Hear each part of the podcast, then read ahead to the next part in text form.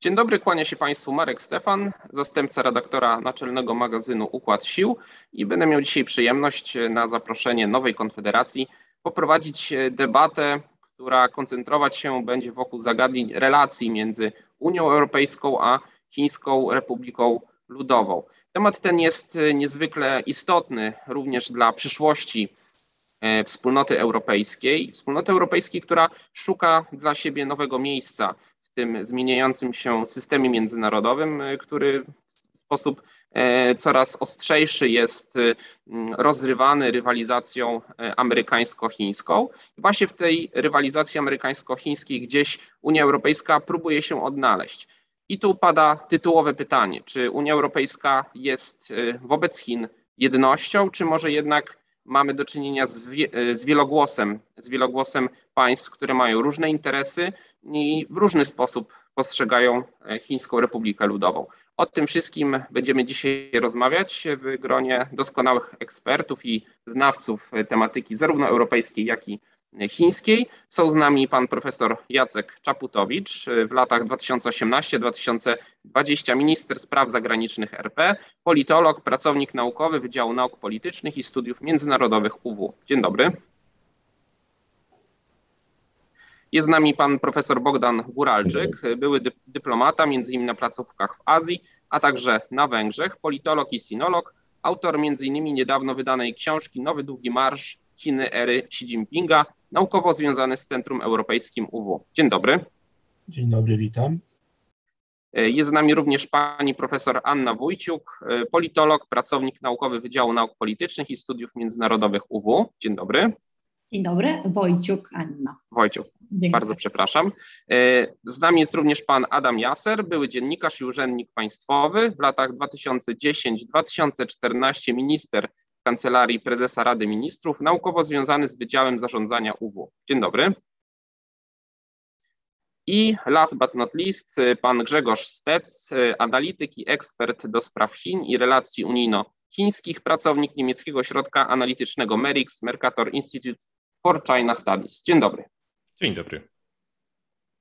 E, chciałbym zacząć naszą dzisiejszą debatę od ogólnego pytania, w jaki sposób e, trwająca wciąż pandemia COVID-19 wpłynęła na relacje między Unią Europejską a Chińską Republiką Ludową. Mówimy bowiem o wydarzeniach, które no, na różnych poziomach wpłynęły na te relacje. W pierwszej kolejności mówimy o E, o tym, że właśnie państwa Zachodu, między innymi państwa Unii Europejskiej, zorientowały się w czasie tego kryzysu, jak bardzo zależne są od e, towarów, od łańcuchów dostaw, które skoncentrowane są w Chinach. Z drugiej strony obserwowaliśmy również zaostrzenie tych relacji między Brukselą a, mm, a Pekinem e, w kontekście takich wydarzeń jak kwestie związane z Ujgurami czy z Hongkongiem, mieliśmy do czynienia z sankcjami, z dyplomacją wilczych wojowników. Wiele tutaj wydarzeń miało miejsce w tych e, ostatnich miesiącach. Zatem e, prosiłbym może od, od takiego krótkiego podsumowania, jaki jest stan tych relacji e, między Brukselą i Pekinem obecnie. Pan profesor Czaputowicz. No ja myślę, że rzeczywiście pandemia uświadomiła wszystkim obserwatorom, ekspertom, a też przywódcom politycznym, że te stosunki mm, są dość silne, może zbyt silne. Ta zależność od Chin ze strony Unii Europejskiej jest wyraźna, okazała się wyraźna. Ale mi się wydaje, że jeżeli spojrzymy na te relacje, to mm, czy też w ogóle na sam wpływ pandemii nie widać jakiegoś zmniejszenia obrotów czy handlu między Unią Europejską czy nawet Polską a Chinami po tych wydarzeniach już prawie sprzed dwóch lat, czyli zastąpienie Chin nie będzie takie łatwe, jeśli chodzi o E, udział ich jako eksportera dóbr przetworzonych e, do państw Unii Europejskiej. Natomiast jest, no, na pewno wzrosła też pozycja Chin w stosunku do innych, do innych podmiotów Stanów Zjednoczonych, także Unii Europejskiej. Ale ja tutaj chciałbym e, się odnieść do Pana pytania tego pierwszego właśnie dotyczącego no, pewnej jedności, bo to jest ten główny problem Unii Europejskiej. Tu by na to trzeba spojrzeć co jest nadrzędne. Czy jedność w ogóle państw Zachodu, tutaj pod przewodnictwem Stanów Zjednoczonych, e, ten Zachód jest organizowany, także tutaj w kontekście ostatnich wydarzeń, mam na myśli agresję wojnę na wschodzie Polski i Unii Europejskiej. Czy ta jedność ma być tu osiągnięta, czy też ta jedność w ramach Unii Europejskiej? To jest pytanie dla wielu państw, takich jak Polska, bo to nie jest tożsame.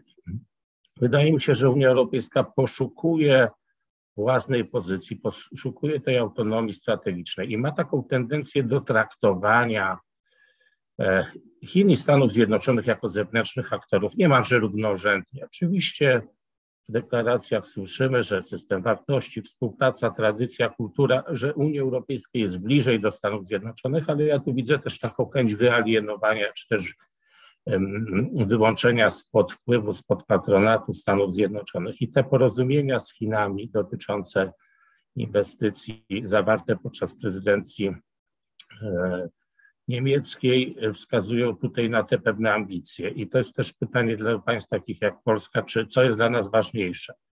Oczywiście my z perspektywy bezpieczeństwa Polski patrzymy na te relacje, dlatego ten związek ze Stanami Zjednoczonymi może jest dla nas ważniejszy niż dla państw tradycyjnie będących w centrum Unii Europejskiej, takich jak Niemcy i Francja. Stąd te pewne różnice występują. Innymi słowy, czy ta jedność tutaj jest y, po pierwsze możliwa, po drugie, czy ona jest po, potrzebna, czy ona jest właściwa i jak ona powinna być zdefiniowana. Tu warto też spojrzeć na ten kontekst polskiej polityki zagranicznej. My mamy relacje strategiczne z Chinami, formalne te relacje zostały zawiązane. Jest format powstały przy silnej inicjatywie Polski 16 plus 1, później 17 plus 1, znowu 16 plus 1. No jest pytanie, jak ten format ma dalej funkcjonować. I ja jestem tutaj przekonany, że raczej czas dla tego formatu minął. To jest też pewien sygnał dla naszych partnerów Unii Europejskiej, że raczej państwa Europy Środkowej powinny poszukiwać porozumienia i liczyć się w całości Unii Europejskiej, czyli ten 7, 27 plus 1 by mogło zastąpić ten format, chociaż może nieformalnie, ale już od trzech lat mniej więcej widać, że państwa Europy Środkowej, które mają też jakby inne formy organizacyjne, mam tu na myśli inicjatywę Trójmorza, one są zbyt podzielone, zbyt słabe, żeby stanowić przeciwwagę dla Chin, które rozgrywają oczywiście ten format zgodnie ze swoim interesem, kreując podziały w Unii Europejskiej. Tutaj nie widzę żadnego problemu, by w sposób bardziej zdecydowany państwa Europy Środkowej wsparły główny nurt Unii Europejskiej. Liderem są wyraźnie Niemcy. Pamiętam po prezydencję niemiecką e, e, próba zorganizowania szczytu, do którego nie doszło ze względów na pandemię. Jednak miejsce tych państw, miejsce polskie jest w ramach Unii Europejskiej. No jest to pytanie, jeszcze raz je powtórzę, na ile Unia Europejska powinna tu być niezależnym aktorem geopolitycznym w stosunku do Stanów Zjednoczonych, a na ile tutaj te relacje powinny być bliższe i co jest w naszym interesie. Tu są poważne różnice zdań. Czyli sumując, Polska tutaj patrzy na te relacje, moim zdaniem, jak to oceniam teraz, właśnie przez ten pryzmat przede wszystkim bezpieczeństwa, dostrzega ambicje głównych państw Unii Europejskiej. Zresztą Unia Europejska jest przez Chiny postrzegana jako taki koncert mocarstw pod przywództwem Niemiec i Francji, ale postrzega tutaj te ambicje, być może za daleko idące autonomii czy suwerenności Unii Europejskiej, rozumiane jako też wyłączenie się spod patronatu e, Stanów Zjednoczonych. Czyli tak to mniej więcej widzę. Bardzo dziękuję. Pan profesor Bogdan Guralczyk. Każdy z nas na wejście ma swoje pięć minut. Swoje pięć minut postaram w pięciu punktach wypełnić. Pierwsza rzecz, że pandemia jest wielkim kryzysem, który przynosi ze sobą przetasowania w światowym ładzie. E, doprowadziła i do recesji, i do inflacji. Te przetasowania sprawiają, że powtórzyła się sytuacja z poprzedniego kryzysu z 2008 roku, e, iż centrum gospodarki światowej, handlu, a i coraz bardziej technologii e, zaczęło przesuwać się z Atlantyku na Pacyfik, co nie jest wcale dobrą informacją dla nas. E, Chiny za ubiegły rok mają wzrost gospodarczy PKB 8,1%, czyli wyszły na prostą i zaczynają się zachowywać jako coraz bardziej pewny siebie aktor na scenie międzynarodowej. To jest punkt pierwszy. Punkt drugi, w, w trakcie tej pandemii Chiny zorganizowały, jak widzieliśmy, zimowe Igrzyska Olimpijskie.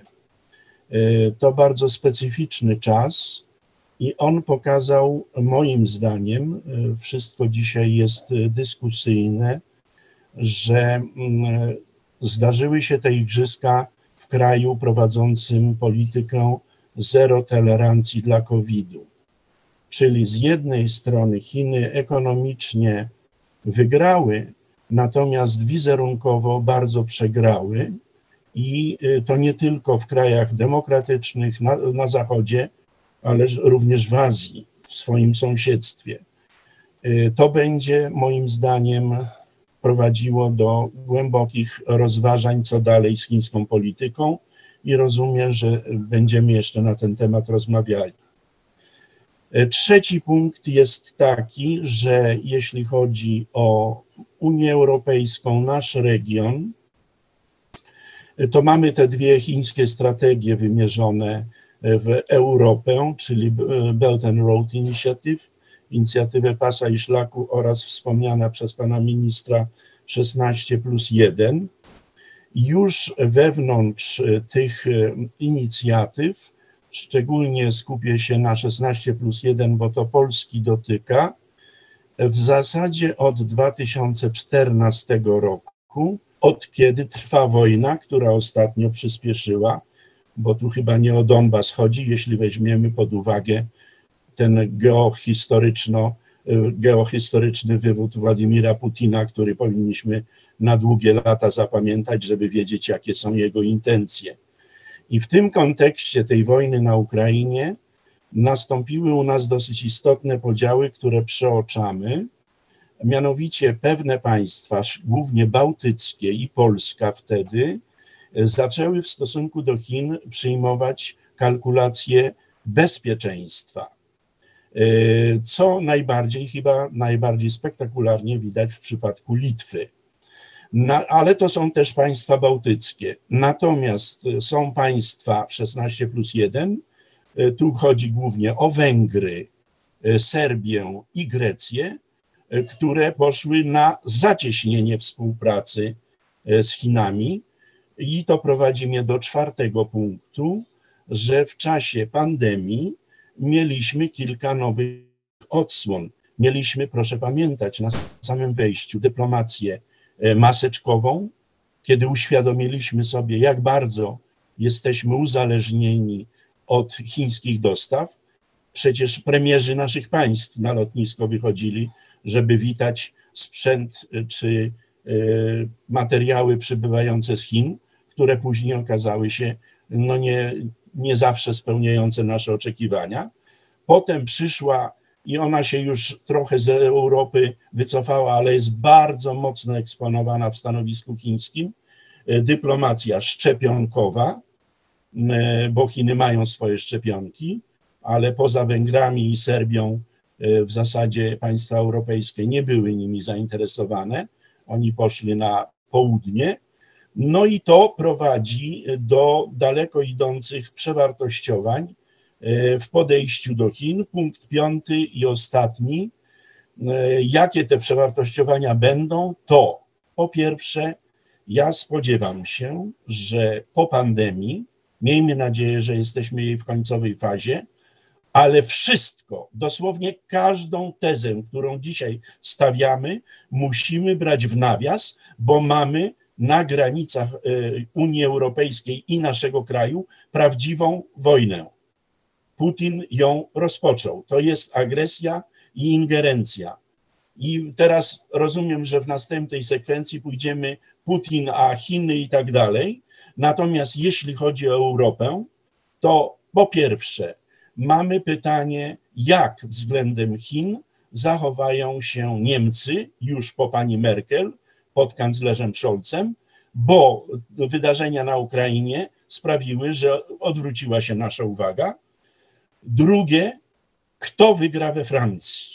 to moim zdaniem będzie progowe przejście. Proszę zwrócić uwagę, jak aktywny jest prezydent Macron, bo on wie, że po prawej stronie sceny politycznej we Francji już jest nie tylko Marine Le Pen, ale jest Eric Zemmour, jest pani Marine Pécresse i e, oni mogą stworzyć sojusz, który może uniemożliwić Macronowi e, zdobycie drugiej kadencji. Tymczasem Europa jest w takim stanie i pandemia to pokazała, że wróciły państwa narodowe. Chiny niby mają strategię względem państw, regionów, całej, całej Unii, ale dyplomację prowadzą dwustronną i z tego należy wyciągnąć wnioski.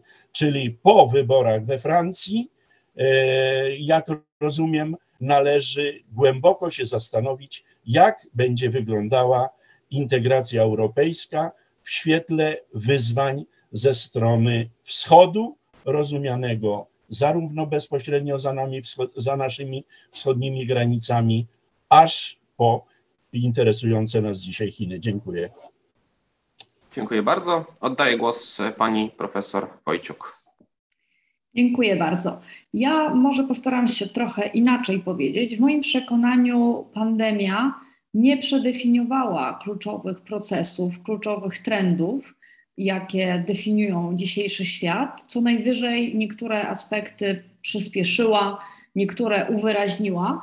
I moim zdaniem to, z czym mamy do czynienia, to kształtowanie się nowego ładu, który będzie ładem dwubiegunowym, ze wszystkimi tego konsekwencjami. I moim zdaniem widzimy coraz wyraźniej, w jaki sposób ten ład się kształtuje. Będziemy mieli z jednej strony e, Chińską Republikę Ludową z Rosją, i tutaj e, ostatnie wydarzenia w Ukrainie też pokazały y, wyłanianie się tego mniej lub bardziej eksplicite wyraźnego sojuszu i z drugiej strony Zachód y, ze Stanami Zjednoczonymi. I tutaj y, moim zdaniem, jeżeli popatrzymy na działania Unii Europejskiej z ostatnich dwóch lat, widzimy chociażby w tej, w tej definicji umowy inwestycyjnej, że Unia Europejska zadeklarowała, że jej relacje z Chińską Republiką Ludową są z, tak, z tego, co Wendt nazywał, nazywał trzema światami stosunków międzynarodowych,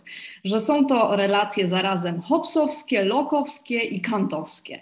To znaczy, że będziemy, będziemy rywalami, będziemy konkurentami i będziemy partnerami. I moim zdaniem ten dokument to jest bardzo ciekawy dokument z czasów właśnie, kiedy jeszcze nie było to takie pewne, jak ta czy, ta, czy będzie ta nowa zimna wojna, czy będzie ten dwubiegunowy ład. Moim zdaniem dzisiaj ten dokument się już wyraźnie zestarzał i coraz bardziej widać, że jest coraz mniej tego ładu kantowskiego, coraz więcej ładu hopsowskiego i cały czas jest jeszcze pytanie, ile tego ładu lokowskiego uda się zachować. I według mnie logika tej nowej zimnej wojny powoduje, że coraz trudniej jest grać bezpiecznie, że będziemy zarazem w świecie Kanta, Loka i Hobbesa, a coraz większy nacisk jest, żeby dokonywać jasnych wyborów. I widzimy to zarówno y, we Francji, widzimy to zarówno w Niemczech. Oczywiście to nie jest prosty proces, to jest proces, w których zaangażowanych jest bardzo wiele aktorów, istotne interesy, za tym idą też istotne koszty. E, natomiast e, e, moim zdaniem widoczne jest przesunięcie zarówno polityki niemieckiej, jak i francuskiej dużo bardziej na, na, na, na, na taki tryb ostrożnościowy i coraz trudniej jest politykom, którzy są za, za wzmocnieniem relacji z Chinami i przełknięciem pewnych y, niewygodnych aspektów tych relacji, coraz trudniej jest tym politykom forsować swoje poglądy. Kolejny aspekt tego, y, tego zmieniającego się ładu, który jest związany właśnie z układem sił, ma też bardzo ważny wymiar ideologiczny. I moim zdaniem ta nowa y, zimna wojna będzie y, coraz bardziej y, widoczne, że będzie ona sformułowana w kategoriach demokracje, prawa człowieka, rządy prawa i tak versus autokracje, arbitralne decyzje, nieszanowanie reguł. I moim zdaniem będzie bardzo duży nacisk, żeby państwa w obozie, który będzie obozem zachodnim, deklarowały się w ramach tych wartości.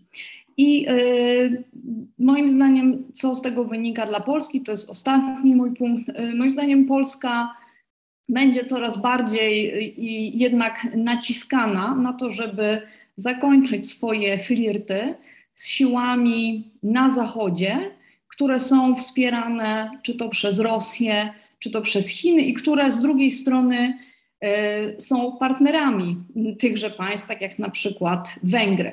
Wydaje mi się, że tutaj y, ta y, realpolitik dużej, duża realpolitik globalna wymusi na Polsce dużo bardziej zdecydowane niż dotychczas opowiedzenie się po stronie Zachodu. Dziękuję bardzo. Dziękuję i oddaję głos panu Adamowi Eserowi. Bardzo dziękuję. Wydaje mi się, że ta kwestia relacji Chiny, Europa, y, no musi ulec bardzo poważnemu przewartościowaniu w kontekście wydarzeń e, w Ukrainie i tej agresji rosyjskiej na Ukrainę. Chiny mają z tym kłopot, bo widzimy, że lawirują pomiędzy poparciem dla Rosji i tego, e, tego sojuszu, o którym pani profesor przed chwilą wspomniała, euroazjatyckich autokracji nastawionych na jakąś formę ekspansji i rywalizację z zachodnim modelem e, porządku światowego. E, no ale z drugiej strony mm, Chiny mają kłopot, ponieważ Ukraina, e, także kraje centralnej Azji są kluczowymi łańcuchami w, tym, w tej inicjatywie pasa i szlaku, o którym, o, o którym wspominał pan profesor Góralczyk. E, interesy chińskie na Ukrainie są dość poważne. No i e, tradycją chińską pewną jest też zwracanie uwagi jednak na integralność terytorialną e, państw. W związku z tym Chiny przez ostatnie kilka dni czy kilka tygodni wysyłają bardzo mieszane sygnały. Widać, że usiłują się dostosować do tej nowej sytuacji.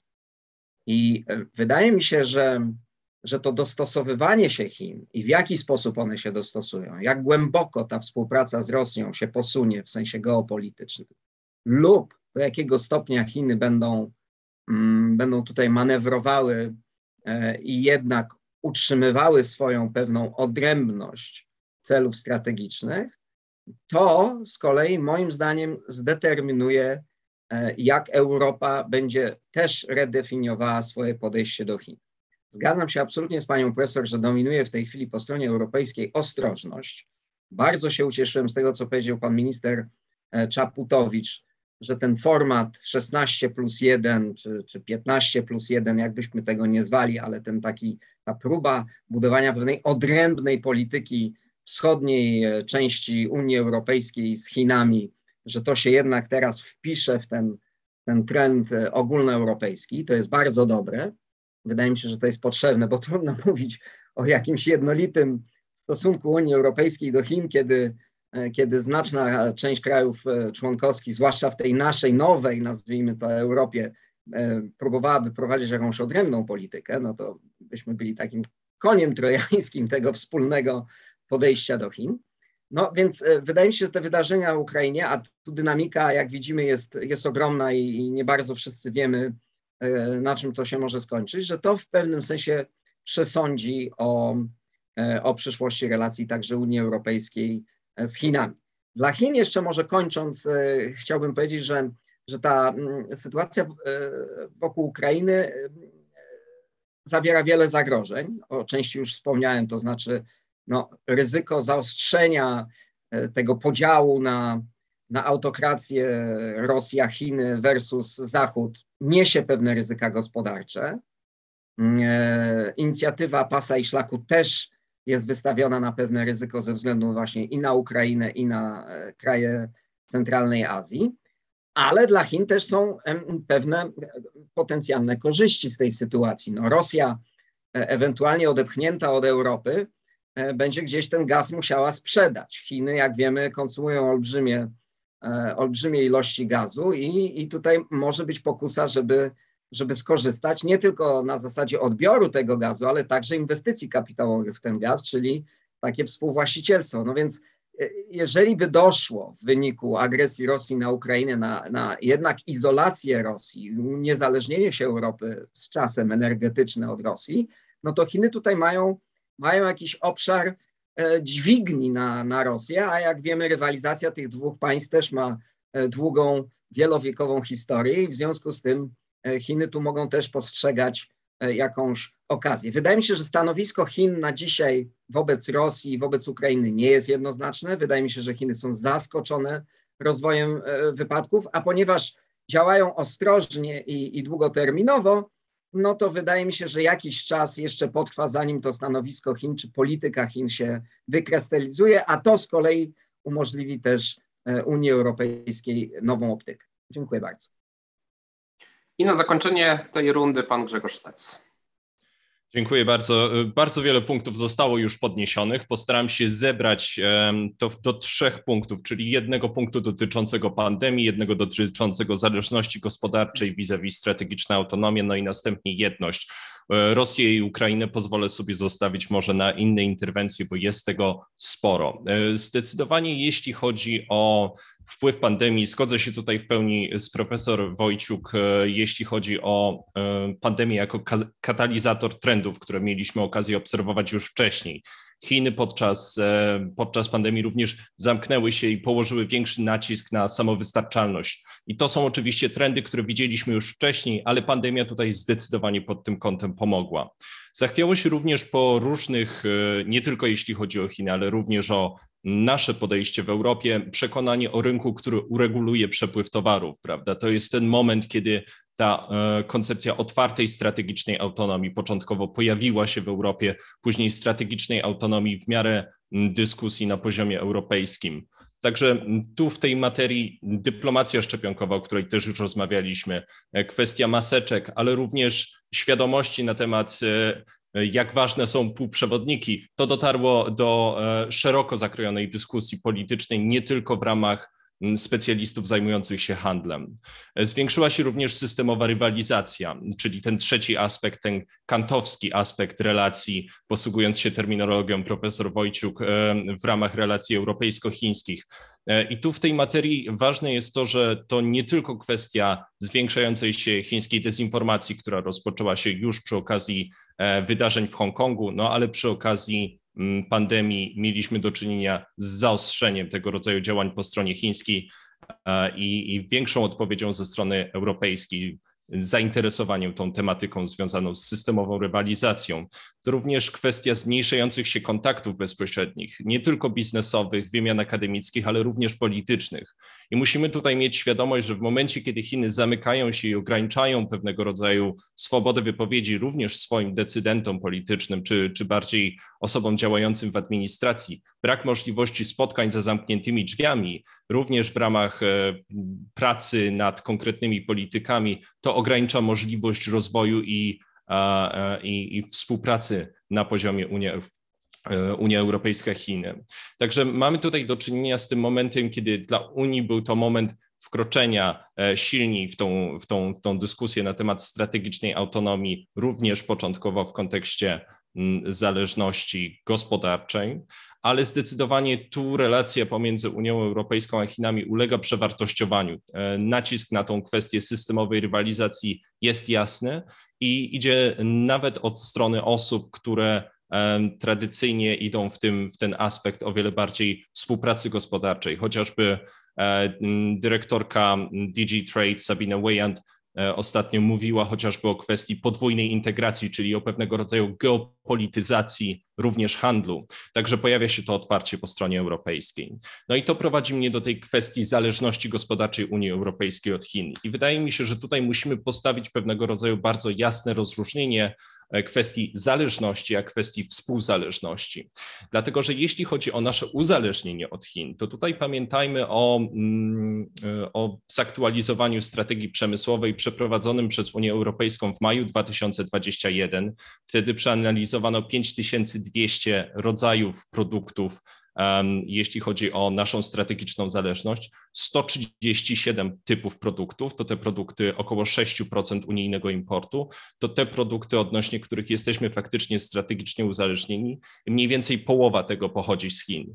W związku z czym musimy mieć świadomość, że jeśli chodzi o tą strategiczną uzależnienie, to nie jest to kwestia decouplingu, czy powiedzmy całkowitego odcięcia się od Chin i tego rodzaju dyskusji nie ma na poziomie europejskim. Jest zdecydowanie kwestia dotycząca dywersyfikacji w ramach tych konkretnych produktów, takich jak właśnie kwestie związane z z e, farmaceutyką, z kwestią półprzewodników, gdzie tutaj ta kwestia chińska również e, pojawia się jako istotna, więc tu mamy do czynienia z działaniami mającymi na celu dywersyfikację, przygotowaniu rezerw strategicznych.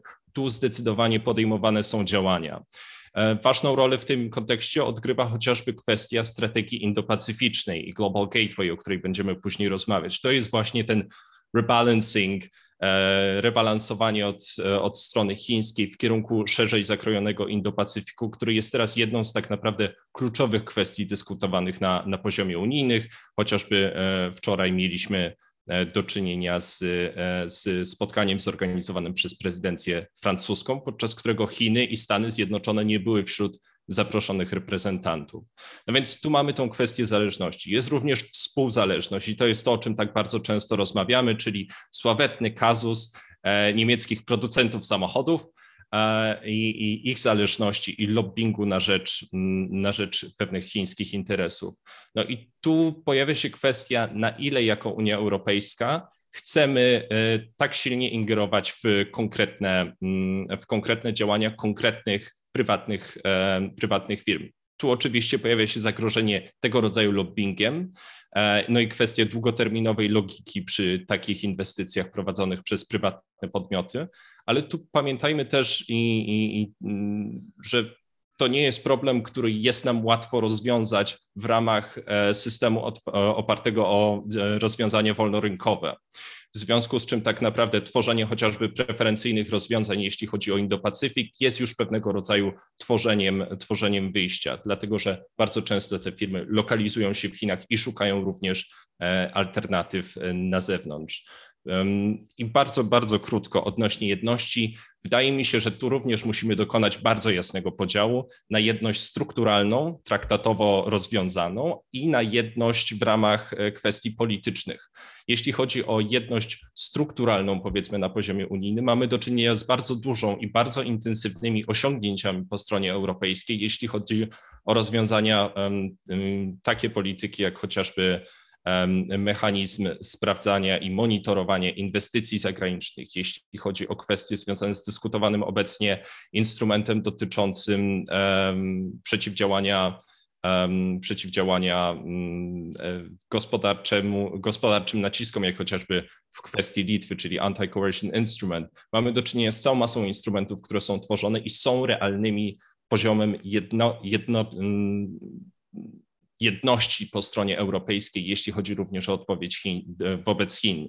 Jeśli chodzi o tą kwestię polityczną, tu mamy problem. No i tu oczywiście mamy problem ze względu na rozwiązania traktatowe, no i przymus e, tej jednomyślności, jeśli chodzi o działania w tej materii. Więc pytanie, jak możemy oceniać e, europejską jedność, w jakim konkretnym aspekcie uważam, że tu musimy zawsze być ostrożni, o czym, o czym konkretnie mówimy. Dziękuję. Bardzo dziękuję. W tej pierwszej części naszej dyskusji został już wywołany problem Litwy i tego sporu handlowego między, między Wilnem a Pekinem, no, który stał się również sporem między Unią Europejską a, a Chinami. I właśnie ten przykład myślę, że dostarcza nam wielu ciekawych wątków do dyskusji. Widzimy bowiem właśnie na tym przykładzie, że handel i te zależności gospodarcze, które były wypracowywane przez lata na korzyść Chin, one w tej chwili są używane jako instrument przymusu wobec jednego z państw Unii Europejskiej. I wobec takiej polityki również Unia Europejska próbuje znaleźć jakąś odpowiedź. Pan Grzegorz Stec wspomniał między innymi o mechanizmie który ma chronić państwa unijne przed tym przymusem gospodarczym. Ten mechanizm de facto dopiero jest tworzony i zobaczymy go w przyszłości, jak on będzie funkcjonował. Ale cały ten przykład Litwy również pokazuje ewolucję wspomnianego już również formatu 16, 17, jeszcze do niedawna plus 1. Zatem powiedzmy może coś więcej właśnie o tych kwestiach, czyli o ewolucji tego formatu, ale przede wszystkim o tym, co mówi nam o tych relacjach unijno-chińskich spór między Wilnem a Pekinem. I o rozpoczęcie poproszę pana Adama Jasera. Prosiłbym o włączenie głośnika. Dziękuję bardzo. Zostałem wywołany do tablicy niespodziewanie. No to jest jakiś papierek lakmusowy ta kwestia Litwy, niewątpliwie. I, I, powiem szczerze, że początkowo byłem dość rozczarowany reakcją Unii Europejskiej i, i partnerów, bo tak no, nie, nie, nie, bardzo tu się kwapiono do, do, do obrony stanowiska litewskiego. Wydaje mi się, że mm, dla mnie ta kwestia Litwy to tak naprawdę jest papierkiem lakmusowym mm, większego mm, wyzwania, jakim jest no, stosunek Unii Europejskiej do Tajwanu. E, teraz e, nasze oczy są skierowane na Ukrainę i w związku z tym e, przez moment może wydawać nam się, że, że kwestia Tajwanu nie jest już tak istotna, ale przypomnę, że większość analityków od bezpieczeństwa światowego zwracała uwagę w, w rozlicznych publikacjach, że e, najistotniejszym, najbardziej potencjalnie niebezpiecznym punktem zapalnym dla świata w najbliższych latach będzie Tajwan. No, jak wiemy, jak wiemy, prognozy, e, prognozy mają to do siebie, że się nie sprawdzają. Okazało się, że tym punktem zapalnym jest Ukraina, ale Tajwan dalej jest wyzwaniem e, z punktu widzenia polityki bezpieczeństwa i moim zdaniem jest też dla Unii Europejskiej bardzo problematyczny. I, I przecież ta kwestia presji na Litwę jest bezpośrednio związana z, z pogłębieniem relacji tego kraju z, z Tajwanem, na co Chiny zareagowały w ten sposób, w jaki zareagowały. E, przypomnę również, że, że dla Unii wyzwaniem jest e, także to, że Stany Zjednoczone e, wspólnie z Australią i Japonią i, i, i Wielką Brytanią no, zbudowały mm, nowy, nową formę sojuszu bezpieczeństwa w, w rejonie Indo-Pacyfiku e, z no, takim jednoznacznym przekazem, że tu chodzi właśnie o e, obronę Tajwanu przed potencjalną e, inwazją chińską. Więc dla Europy to jest olbrzymie wyzwanie, dlatego że co prawda nie należy już przekonywać specjalnie mocno nikogo w Europie, że, że ta rywalizacja z Chinami no nie jest wyłącznie gospodarcza, że to jest także rywalizacja światopoglądowa, rywalizacja o pewien model funkcjonowania społeczeństw, że to jest jednak spór pomiędzy e, systemem opartym o, o prawa człowieka, o wolności osobiste, o swobodę wyrażania poglądów, a z drugiej strony system oparty o, o, o, o rządy jednej partii, o, o, o no, duszenie praw człowieka, o prześladowania, o e, także to surveillance state, czyli ten, ten, ten nadzór i ta sztuczna inteligencja, która kontroluje, kontroluje obywateli. Że, czyli, czyli to już jak gdyby w Europie widać, że tu jest jakaś oś, e, oś sporu. Natomiast testem no, byłaby jakaś inwazja na, na Tajwan. Jak zachowa się Europa i czy ta jedność, o której tutaj mówimy, doprowadziłaby do tego, że Europa byłaby w stanie e, przyjąć tutaj zdecydowane stanowisko, już nie mówiąc o tym, czy byłaby w stanie wspólnie ze Stanami Zjednoczonymi w sposób również militarny odpowiedzieć na, e, na takie mm, wyzwanie. Widzimy, e, widzimy na przykładzie, przepraszam, że będę obsesyjnie wracał do kwestii Ukrainy i Rosji, ale widzimy, że kwestia nieprzygotowania Zachodu na użycie siły i na brutalną siłę, taką twardą, tradycyjną, militarystyczną siłę, że to jest pewien problem dla Europy, że ta demilitaryzacja Europy Zachodniej ona się posunęła tak daleko w ostatnich dziesięcioleciach, że dzisiaj mm, no, tego potencjału po prostu nie ma. I, I bez Stanów Zjednoczonych Zachód jest, przepraszam, że tak bezpośrednio to powiem, ale trochę bezbronny.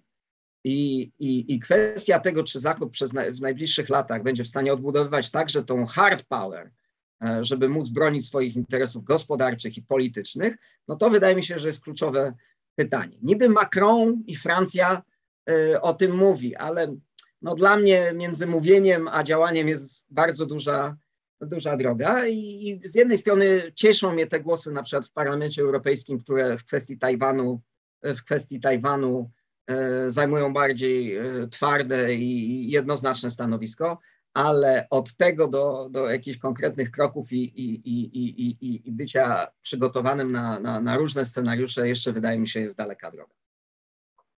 Dziękuję bardzo. Pan Grzegorz Stec. Dziękuję bardzo. E, jeśli chodzi o kazus litewsko-chiński, wydaje mi się, że też musimy cofnąć się jeszcze trochę dalej poza kwestię Tajwanu. Tak naprawdę ta decyzja o Mm, pewnego rodzaju rozjeździe w relacjach litewsko-chińskich, e, rozpoczęta tak naprawdę po, po litewskiej stronie, jeśli chodzi właśnie o wycofywanie się z formatu 17 plus 1, to tak naprawdę coś, co obserwujemy e, od lutego tego roku, e, pewnego rodzaju działania. Także ten moment, jeśli chodzi o otwarcie biura reprezentacyjnego Tajwanu, a nie Tajpej, jak ma to miejsce w innych, w innych krajach europejskich, to jest tak naprawdę ten punkt, do którego doszliśmy e, nie tak dawno. Mm, to, to jest tak naprawdę e, końcówka zeszłego roku. Także jeśli chodzi o to, co tak naprawdę ten kryzys litewsko-chiński mówi nam o relacjach e, europejsko-chińskich i podejściu Europy do Chin, to wydaje mi się, że jest to pewnego rodzaju soczewka faktycznie, która skupia kilka problemów. Jednym z nich jest chociażby kwestia tego, że mm, z tego, na ile mi wiadomo, Litwa skonsultowała się ze Stanami Zjednoczonymi przed otwarciem e, biura, biura tajwańskiego.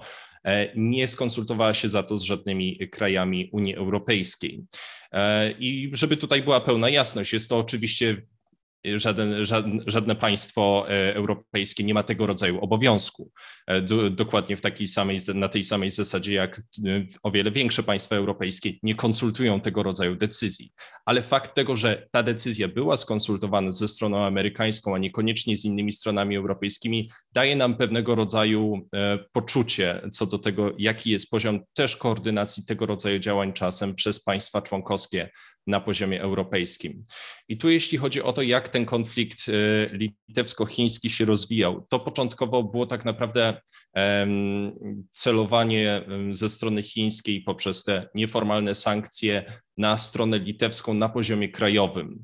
E, to były te nakładane mm, obostrzenia na produkty pochodzące z Litwy. Ten moment, w którym na tym etapie inne państwa członkowskie i poziom, e, poziom unijny, poziom instytucji tak naprawdę starał się nie ingerować za bardzo w, w, ten, w ten konflikt. Dopiero w momencie, kiedy doszło do nałożenia przez Chiny tak zwanych sankcji drugiego poziomu, czyli ograniczanie również możliwości eksportu towarów, e, które posiadają w swoim składzie e, pewnego rodzaju półprodukty czy, czy innego rodzaju dobra pochodzące z, e, z Litwy, to był ten moment, kiedy pojawiło się wyzwanie dla wspólnego rynku europejskiego i ten moment, kiedy to faktycznie stało się problemem na poziomie europejskim, a nie poziomem, a nie problemem w relacjach bilateralnych. No i to był ten moment, w którym tak naprawdę pojawiła się odpowiedź europejska i pojawiła się E, te hasła o jedności, kwestia tego, że chociażby e, niemiecki rząd interweniował wśród niemieckich fabryk, które mają swoje łańcuchy dostaw również na Litwie, aby ostatecznie niemieckie firmy nie wyprowadzały się z Litwy, tak jak domagał się tego rząd, e, rząd chiński. Mieliśmy też do czynienia z rozpoczęciem przez Unię Europejską dochodzenia w ramach e, Światowej Organizacji Handlu.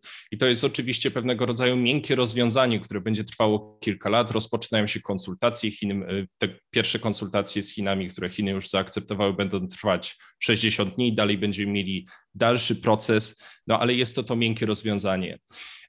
To rozwiązanie twarde, o którym się gdzieś tam rozmawia i ten kierunek, w którym idziemy, to kwestia związana właśnie z stworzeniem anti-coercion instrument, z tym instrumentem, o którym rozmawialiśmy już wcześniej. I tu prezydencja francuska również kładzie nacisk na to, że ten instrument trzeba rozwijać jak najszybciej. No i tu ponownie przychodzimy tak naprawdę do tego zasadniczego rozdziału, rozdziału na e, rozwiązania strukturalne e, pewnego rodzaju polityki, na które już jako poziom unijny się zgodzimy, a rozwiązaniami politycznymi czy rozwiązaniami doraźnymi, e, które, które wymagają nagłego konsensusu państw członkowskich. I tu pojawia się ten problem ponownie, ten, ten kryzys litewsko, e, litewsko-chiński pokazuje nam ten problem, jeśli chodzi o jedność europejską wobec Europy. Jeśli mamy do czynienia z tego rodzaju rozwiązaniami strukturalnymi, gdyby tego rodzaju mechanizm był już zaimplementowany, nasza, nasza dyskusja i nasza odpowiedź byłaby zupełnie inna. Na pewno było, byłaby też cała masa dyskusji na temat tego, w jaki sposób tego instrumentu użyć, jak długo prowadzić negocjacje ze stroną chińską, ale ale byłyby to o wiele bardziej konkretniejsze, e, bardziej konkretne rozmowy i bardziej konkretne działanie niż e, to, co mamy, to, co obserwujemy obecnie. Więc tu ponownie sprowadza się to do pytania, na ile jesteśmy w stanie tworzyć realną, wspólną politykę wobec Chin w oparciu tylko o rozwiązania polityczne, a na ile wymaga to tak naprawdę szerszej integracji europejskiej, żeby tworzyć realną, wspólną politykę wobec Chin. I wydaje mi się, że to jest też coś, co ten kryzys chińsko-litewski tak jasno nam pokazuje. Bardzo dziękuję. Pan profesor Guralczyk. Moim zdaniem kasus Litwy jest papierkiem lakmusowym naszych intencji i tak pan Grzegorz Stec ma rację naszej europejskiej jedności. To jest kasus mm, tak naprawdę e, nie tylko Litwy, do pewnego stopnia także Słowenii i Czech, które też pewne ruchy w, w kierunku uznawania oficjalnego przedstawicielstwa Tajwanu wykonały. Natomiast, proszę Państwa, my żyjemy w czasach, gdy niewyobrażalne staje się wyobrażalne, chociażby stanowisko Niemiec względem Nord Stream 2, że jednak wstrzymały, a były co do tego wątpliwości. A jeszcze bardziej powinniśmy wziąć pod uwagę coś, na co ja bezustannie zwracam uwagę w ostatnim czasie, że mamy do czynienia e, z efektami e, Trumpa. To znaczy, on zmienił e, filozofię współczesnej areny międzynarodowej, zamienił wielostronne negocjacje czy porozumienia, a ich kwintesencją jest przecież Unia Europejska, na dwustronne deale, mówiąc jego językiem, i odsunął wartości na rzecz e, nagich interesów. Niby administracja w Stanach Zjednoczonych się zmieniła, ale względem Chin, względem Rosji, względem innych mocarstw ta logika pozostała. Jest bipartisanship, chyba jedyny przypadek e, takiego samego stanowiska obu najważniejszych partii w Stanach Zjednoczonych, co stawia przed nami, przed Unią Europejską, niebywałe wyzwanie, bo weszliśmy w czas, w epokę hard politics, hard power, czyli polityki siły, polityki wielkomocarstwowej, podczas gdy Unia Europejska z definicji jest soft power, normative power. I to wymaga, moim zdaniem, odnalezienia się nas na scenie międzynarodowej na nowo. I dopiero w tym kontekście jest kwestia Litwy, czytaj Tajwanu. Proszę Państwa, kiedy rozmawiamy, jest właśnie 50-lecie wizyty słynnej przed pół wiekiem Richarda Nixona i e, komunikatu szanghajskiego. Proszę przeczytać wspomnienia liczne zresztą Henry Kissingera, głównego architekta ze strony amerykańskiej. O co tam chodziło? Dwie noce negocjatorzy spędzili nad sformułowaniem jednym Tajwan. Czyli y, od początku, od zarania ta kwestia z punktu widzenia władz w HRL była nadrzędna i tego się trzymają do dzisiaj, ale powiedziałbym, że jest mocniej. Otóż e, Xi Jinping, kiedy dochodził do władzy e, pod koniec 2012 roku, to najpierw ogłosił chińskie marzenie, chiński sen, Chinese Dream, a po dwóch latach wypełnił go treścią i ona sprowadzała się, nie wchodząc w szczegóły, do 14 różnych celów.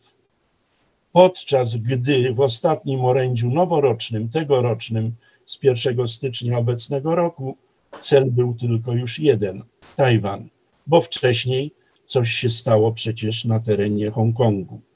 W tym kontekście dla mnie nie ma żadnych wątpliwości, że Tajwan jest absolutnym, nadrzędnym celem władz chińskich i one wszystkie wydarzenia, które się teraz rozgrywają z Donbasem, Ukrainą i e, konfiguracją międzynarodową włącznie, przez te e, okulary rozpatrują. W tym kontekście była już trochę o tym mowa. E, rzeczywiście stanowisko chińskie jest ostrożne.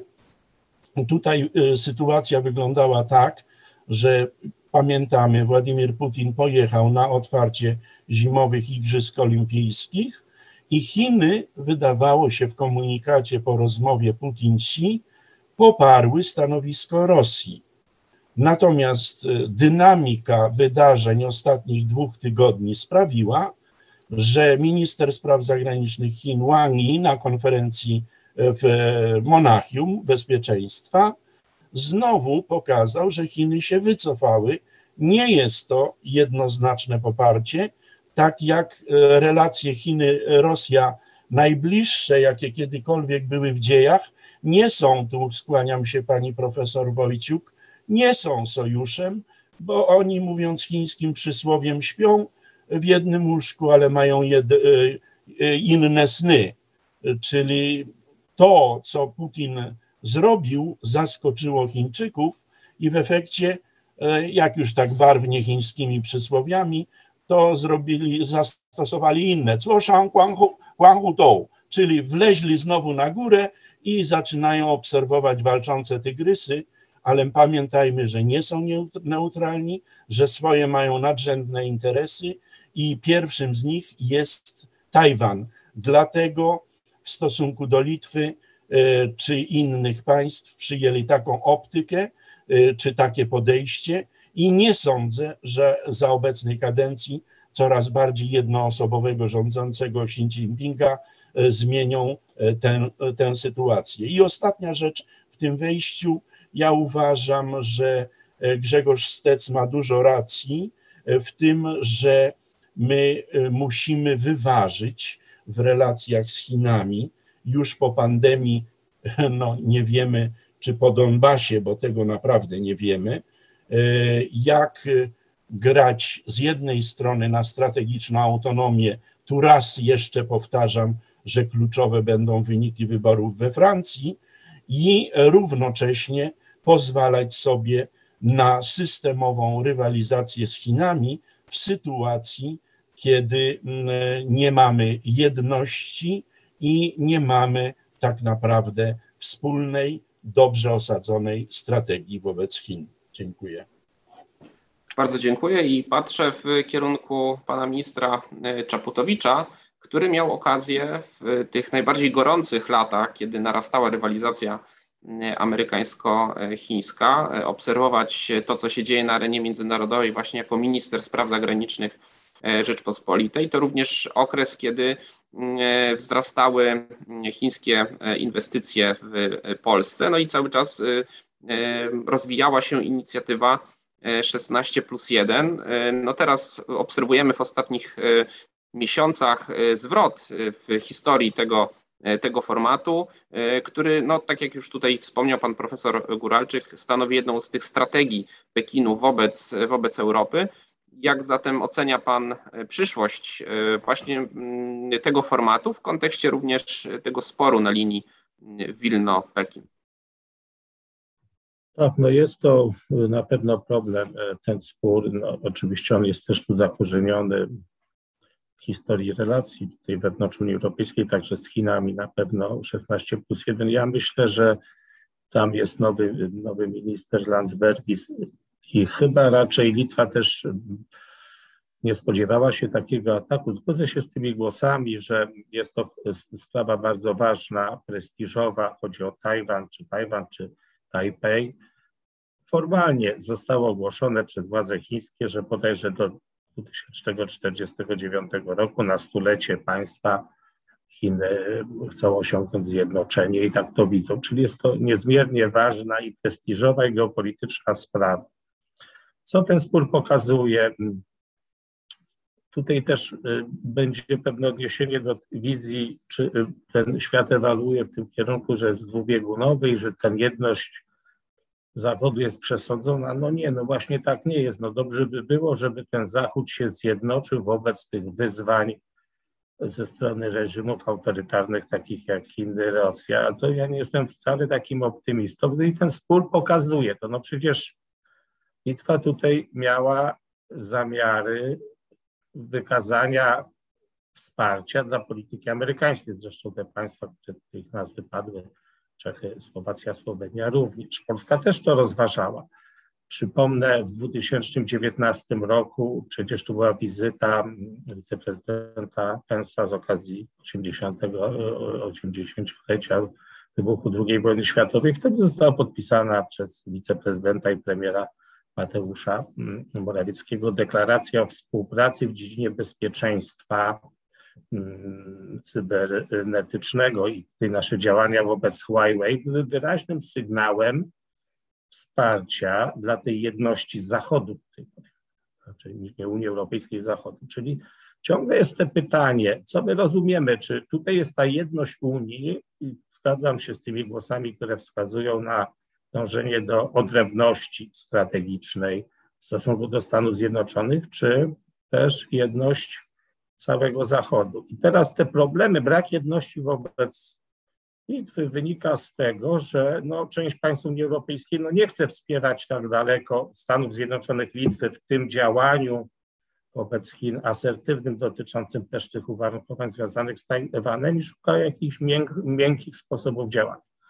Dużo zostało przez Państwa już powiedziane na temat tych instrumentów chińskich, ale jeżeli zwrócimy uwagę na fakt, że Chiny zorientowały się, że te bezpośrednie reakcje, ograniczenie handlu czy współpracy gospodarczej z Litwą, z tego względu, że one nie były duże, one za bardzo nie dotykają samej Litwy, to rozszerzyły te sankcje, to jest nowa jakość oddziaływania na współpracowników, kooperantów, na te firmy zachodnie niemieckie przede wszystkim, chodzi o Continental, inne firmy, które albo produkują coś na Litwie, później eksportują do Chin, albo importują jakieś elementy. I w ten sposób wciągnęły całą Unię Europejską. Czyli mamy tutaj do czynienia z jakimś nowym mechanizmem presji. To jest dość poważna sprawa. I tutaj jest też duży znak zapytania. No ja nie widzę jedności w Unii Europejskiej, czy takiej zgody, że my y, y, stawiamy wartości bardzo ważne, prawo człowieka, wolności religijnych, praca niewolnicza, to co jest stawiane przez Unię Europejską też jako warunek ratyfikacji, że stawiamy ponad tą współpracą gospodarczą. Ja nie jestem tutaj optymistą co do, co, co do tej jedności.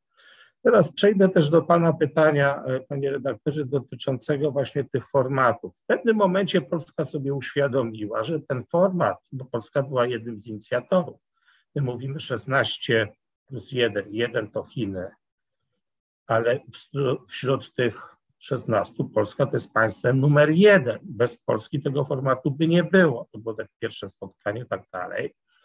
I jakby chęć tutaj y, współpracy. Na to się nakładał ten format Trójmorza. Polska, a także inne państwa zdały sobie sprawę, że on nie jest korzystny, że handel się nie zwiększa, że znaczenie polityczne tych państw nie rośnie, że Chiny rozgrywają te państwa między sobą, że więcej z tego korzystają niż te państwa, a, także używają tego w sposób taki bezpośredni do wskazywania różnic w ramach Unii Europejskiej, co nie było zamiarem tych państw.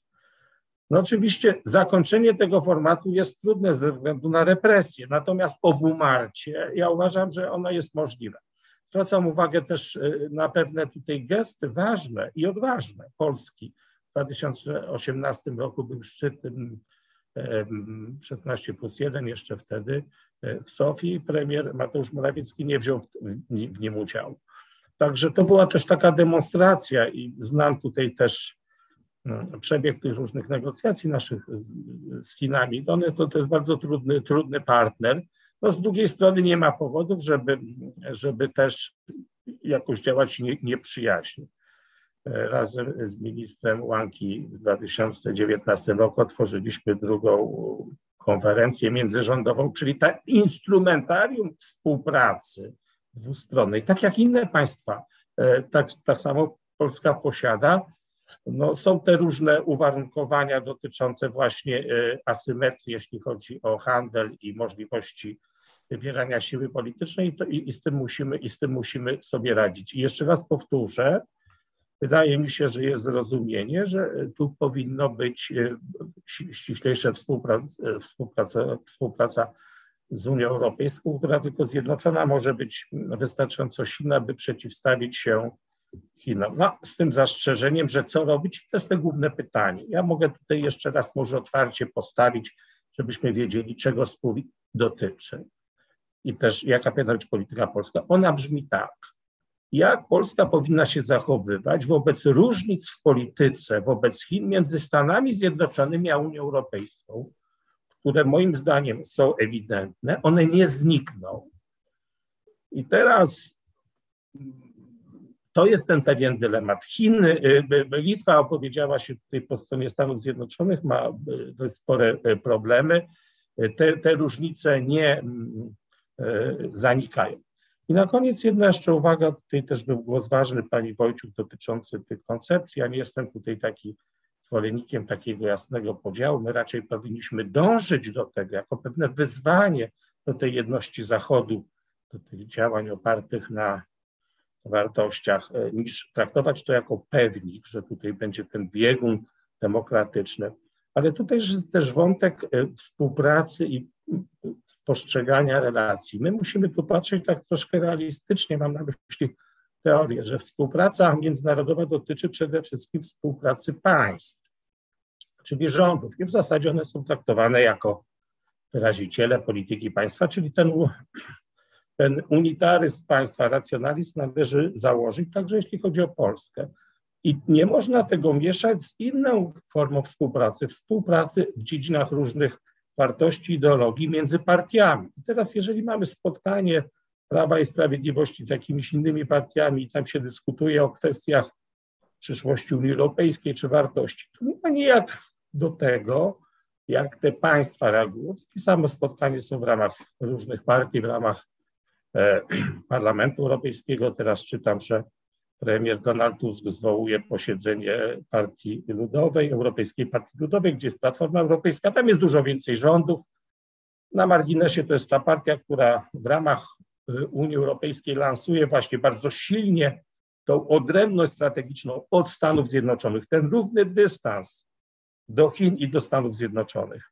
E, ale to jest w ramach Parlamentu Europejskiego, czy w ramach partii, a nie państw. Więc my musimy te porządki odróżniać. I w dyskursach politycznych raczej tego nie mieszać, bo to po prostu nam burzy obraz. My musimy patrzeć na instytucje państwowe, rządowe, prezydenta, które są wyrazicielem polityki państwa polskiego. inna sprawa to jest właśnie ta współpraca partyjna, która ma trochę inny charakter. Akurat ta współpraca, o której tutaj mówimy, ona w ogóle nie dotyczy relacji z Rosją, nie dotyczy relacji z Chinami i można ją różnie oceniać. Ja na przykład nie bardzo widzę e, e, tą współpracę jako odpowiadającą ideologicznie, powiedzmy, postawą wielu Polaków. To trzeba zrozumieć, natomiast tego nie można tutaj mieszać. Także tak tutaj bym to ocenił. Bardzo dziękuję i na zakończenie pani profesor Wojciuk. Dziękuję. Bardzo dużo wątków się zebrało, również polemicznych do mnie. Nie wiem, czy na wszystkie uda mi się odpowiedzieć, ale dziękuję za te wszystkie Y, uwagi. Co do, wracając do Litwy, co ten kazus prezentuje? Moim zdaniem jest to przykład tego, w jaki sposób y, porządek mm, interesów bezpieczeństwa zderza się z porządkiem instytucjonalnym, współzależności, wymiany itd. Tak I moim zdaniem właśnie nasilająca się nowa zimna wojna będzie y, powodowała, że będzie pojawiać się coraz więcej tego typu przypadków, że będą pojawiały się interesy bezpieczeństwa ważne, średnio ważne. Z punktu widzenia Litwy nie był to na pewno żywotny interes bezpieczeństwa, tego typu decyzja. Y, natomiast było to, jak ja rozumiem tę decyzję właśnie w kategoriach bezpieczeństwa i ona wywołała implikacje na poziomie instytucjonalnym na poziomie współpracy handlowej, wymiany, tego, tej logiki, w której y, możemy zyskiwać, y, nawet nie lubiąc się, pracując, wymieniając się, handlując ze sobą. I y, moim zdaniem, chociaż reakcja Unii Europejskiej na to była nierychliwa, bo to jest trudne. To nie jest tak, że jest w organizmie, który się składa z tak wielu członków, będzie bardzo łatwy automatyzm tej decyzji, jednak moim zdaniem y, widać, że y, nawet Unia Europejska w tych trudnych warunkach jest gotowa ponieść pewne koszty y, interesów bezpieczeństwa jednego ze swoich państw. I moim zdaniem właśnie na tym to będzie jedna, to będzie jeden z typów wydarzeń, jakie będziemy obserwować, że coraz będzie większy nacisk na to, żeby poświęcać interesy handlowe, współpracy inwestycyjne i tak dalej, właśnie e, pod naciskiem interesów bezpieczeństwa. Chociaż, tak jak mówię, to nie był żywotny interes bezpieczeństwa, więc nie mieliśmy tutaj aż tak silnej presji, a jednak na pewne koszty się e, zdecydowano. Jest, e, jest, ta reakcja jednak jest solidarnościowa. I więc moim zdaniem to jest tego typu, e, tego typu przypadek.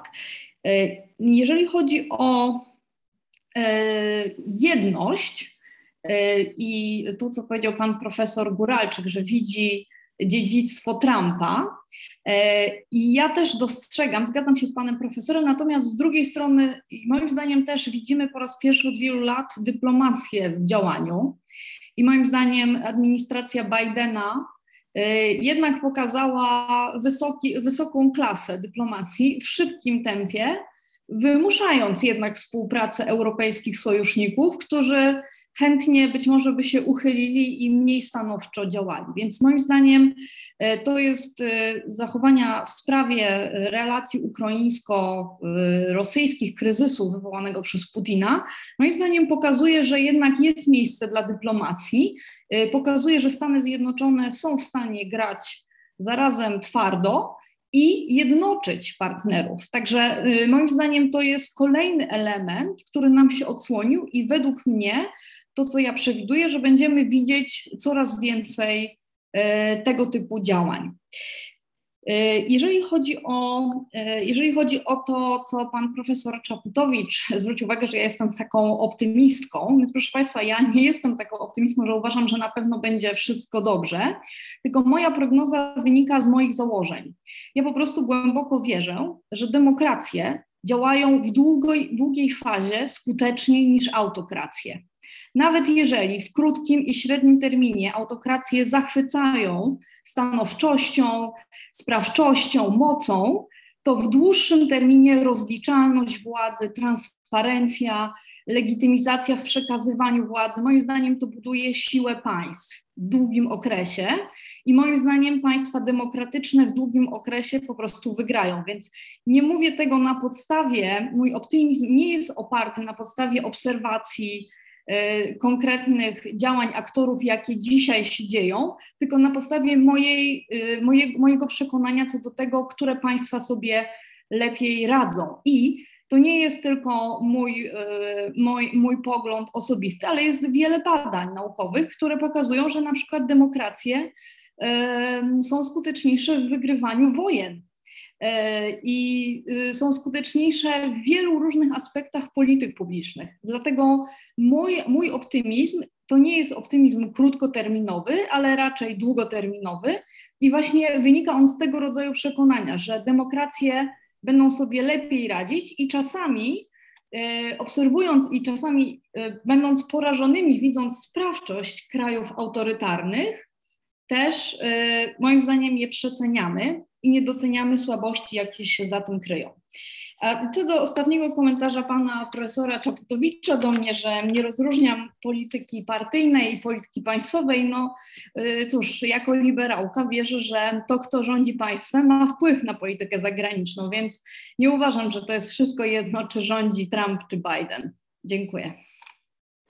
Dziękuję bardzo. E, też dziękuję za te wątki e, polemiczne, które myślę też e, ubogacają naszą, naszą dyskusję, ale w tym moim kolejnym pytaniu chciałbym odwołać się do kwestii, która już tutaj padła w naszej dzisiejszej dyskusji, czyli do tego, na ile możemy mówić o tym, że Unia Europejska jako wspólnota współpracuje ze Stanami Zjednoczonymi w kwestii wypracowywania wspólnego stanowiska w wobec Chin. Widać bardzo wyraźnie, szczególnie właśnie po objęciu Białego Domu przez administrację Bidena, że ten trend e, bardzo mocno się nasilił. Widać tutaj aktywność amerykańskiej dyplomacji, żeby przekonać partnerów w Unii Europejskiej do tego, żeby stworzyć wspólny front. No i widzimy też być może pierwsze owoce e, tej współpracy. Została chociażby powołana e, w zeszłym roku e, Rada Unii Europejskiej i Stanów Zjednoczonych do spraw handlu i, i technologii. Część ekspertów podkreśla, że właśnie losy tego formatu współpracy bardzo dobrze pokażą nam, na ile wspólnota europejska E, i Stany Zjednoczone są w stanie faktycznie w tych kluczowych kwestiach, szczególnie właśnie w obszarze nowych technologii, wypracować e, spójne podejście wobec, wobec Pekinu, e, ale to nie jedyny przykład tutaj próby wypracowywania wspólnego stanowiska w świecie E, transatlantyckim właśnie wobec Chin. E, jak Państwo zatem e, postrzegacie te szanse?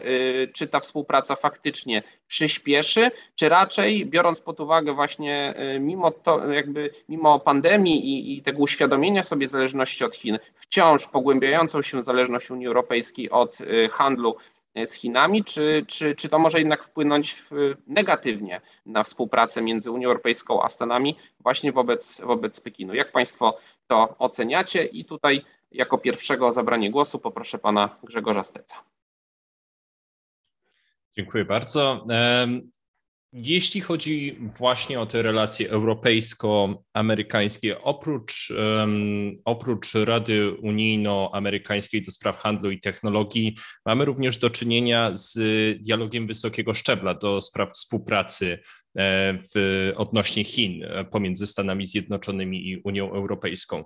I warto pamiętać, że oba te formaty zostały powołane tak naprawdę z inicjatywy europejskiej, nie z inicjatywy amerykańskiej. Jeśli chodzi o ten dialog wysokiego szczebla, został on początkowo wspomniany przez przez wysokiego przedstawiciela Josepa Borrella e, w rozmowach z Mike'em Pompeo. E, a jeśli chodzi o, mm, o Radę Unijno-Amerykańską do spraw handlu i technologii, o Trade and Technology Council, to została ona zaproponowana przez Komisję Europejską w grudniu 2020. W związku z czym tak naprawdę to również mamy, mamy do czynienia z sytuacją, kiedy te inicjatywy wychodzą po części ze strony europejskiej. Myślę, że warto, żebyśmy też o tym pamiętali, dlatego że pojawia się też ta tendencja do tego, żeby pewnego rodzaju działania w naszym wspólnym formacie e, przypisywać bardziej stronie amerykańskiej, co nie zawsze jest w pełni, w pełni trafne.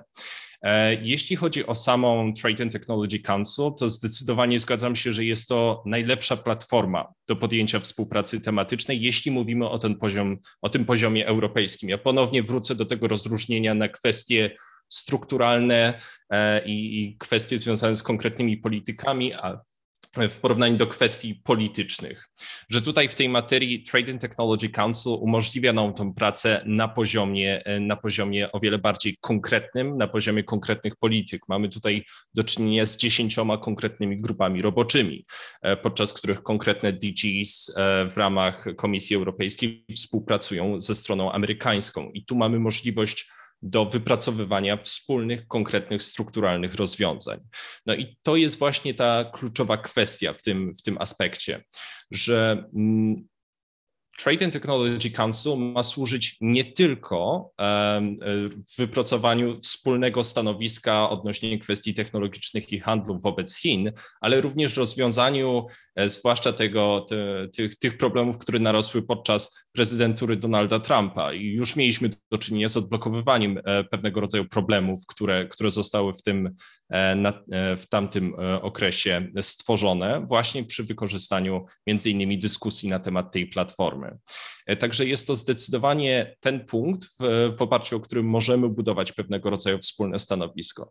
Warto pamiętać, że e, podejmowane są działania przez każdą z e, administracji, zarówno administrację europejską, jak i administrację amerykańską, na poziomie indywidualnym i na poziomie europejskim bardzo dużo się dzieje. Czy jeśli popatrzymy na um, Digital Markets Act, jeśli popatrzymy na nowe, nowe rozwiązanie, jeśli chodzi o europejską produkcję e, półprzewodników, jeśli chodzi o też e, nowe stanowisko ze strony komisji, nowy, nową agendę dotyczącą promowania i, e, i zwiększenia promocji europejskich standardów. To wszystko są też rozwiązania, które są podejmowane na poziomie na poziomie e, indywidualnego aktora. I kwestia jest taka, żebyśmy harmonizowali te rozwiązania pomiędzy nami a Stanami. I wydaje mi się, że tutaj w tym kryje się ta kluczowa kwestia, dlaczego to Trade and Technology Council jest faktycznie tak ważną e, kwestią. Dlatego, że z perspektywy europejskiej Unia Europejska nie chce dołączyć do rywalizacji, do tego rodzaju właśnie nowej zimnej wojny na poziomie politycznym, ale zdecydowanie chce do niej dołączyć na poziomie strukturalnym, jednocześnie sprawiając, że w momencie, kiedy dołączamy do, na poziomie strukturalnym, nie musimy jednocześnie liczyć się z pewnego rodzaju bardzo silną odpowiedzią ze strony chińskiej na działania polityczne. I tu w tym momencie wchodzi też ten kazus Litwy, gdzie tak naprawdę mieliśmy do czynienia z pewnego rodzaju politycznym stanowiskiem. I warto pomyśleć o kwestii Tajwanu, że e, Oczywiście mieliśmy tutaj e, podejście ze strony litewskiej tego wsparcia politycznego, ale tak naprawdę to na przykład spowodowało, że Komisja Europejska zdecydowała się opóźnić swoją e, propozycję do rozszerzenia dialogu z Tajwanem, jeśli chodzi o kwestie półprzewodników, stworzenia nowego rodzaju wysokiego poziomu dialogu na poziomie, e, na poziomie faktycznie dyrektoratów e, konkretnych DGs, które miało zostać wypuszczone właśnie w listopadzie, ze względu na to, że sytuacja stała się politycznie zbyt zaogniona, co ogranicza nam możliwość działania w taki sposób, w jaki Unia zazwyczaj to preferuje. Także ponownie mm, tu w tej materii sytuacja, mm, sytuacja na Ukrainie i sytuacja, jeśli chodzi o wspólne stanowisko rosyjsko-chińskie, gdzie ten wspólny dokument wypuszczony 4 lutego został przeanalizowany bardzo, bardzo wnikliwie przez e, Europejską Służbę Działań Zewnętrznych, przez Komisję. I ten fakt, e, że e, tak naprawdę tworzy on zręby do tego wspólnego, wspólnej, faktycznej i realnie aż tak wyartykułowanej wspólnej linii autorytarnej, jeśli chodzi również o zmienianie ładu i porządku światowego, to jest ten punkt, który, który może bardzo wiele zmieniać w podejściu europejskim. Ale oczywiście nie możemy się tego spodziewać E, e, że, że tu jakiegoś rodzaju działania zostaną podjęte bardzo szybko. Dlatego, że z jednej strony, tak jak mówi profesor Wojciuk, w demokracjach to po prostu zajmuje o wiele więcej, zwłaszcza w sytuacji takiego rodzaju bytu, który musi wziąć pod uwagę stanowiska 27 aktorów. Aczkolwiek to może być pewnego rodzaju punkt zmiany, jeśli chodzi o to, jak wielki nacisk jest e, i jak wielkie jest, że tak powiem, momentum w ramach E, w ramach instytucji europejskich, jeśli chodzi o pewnego rodzaju elastyczność we współpracy ze Stanami Zjednoczonymi. Dziękuję bardzo. Pan Adam Jaser. Tak, no ja szybciutko może nawiążę do tego, co pani profesor powiedziała.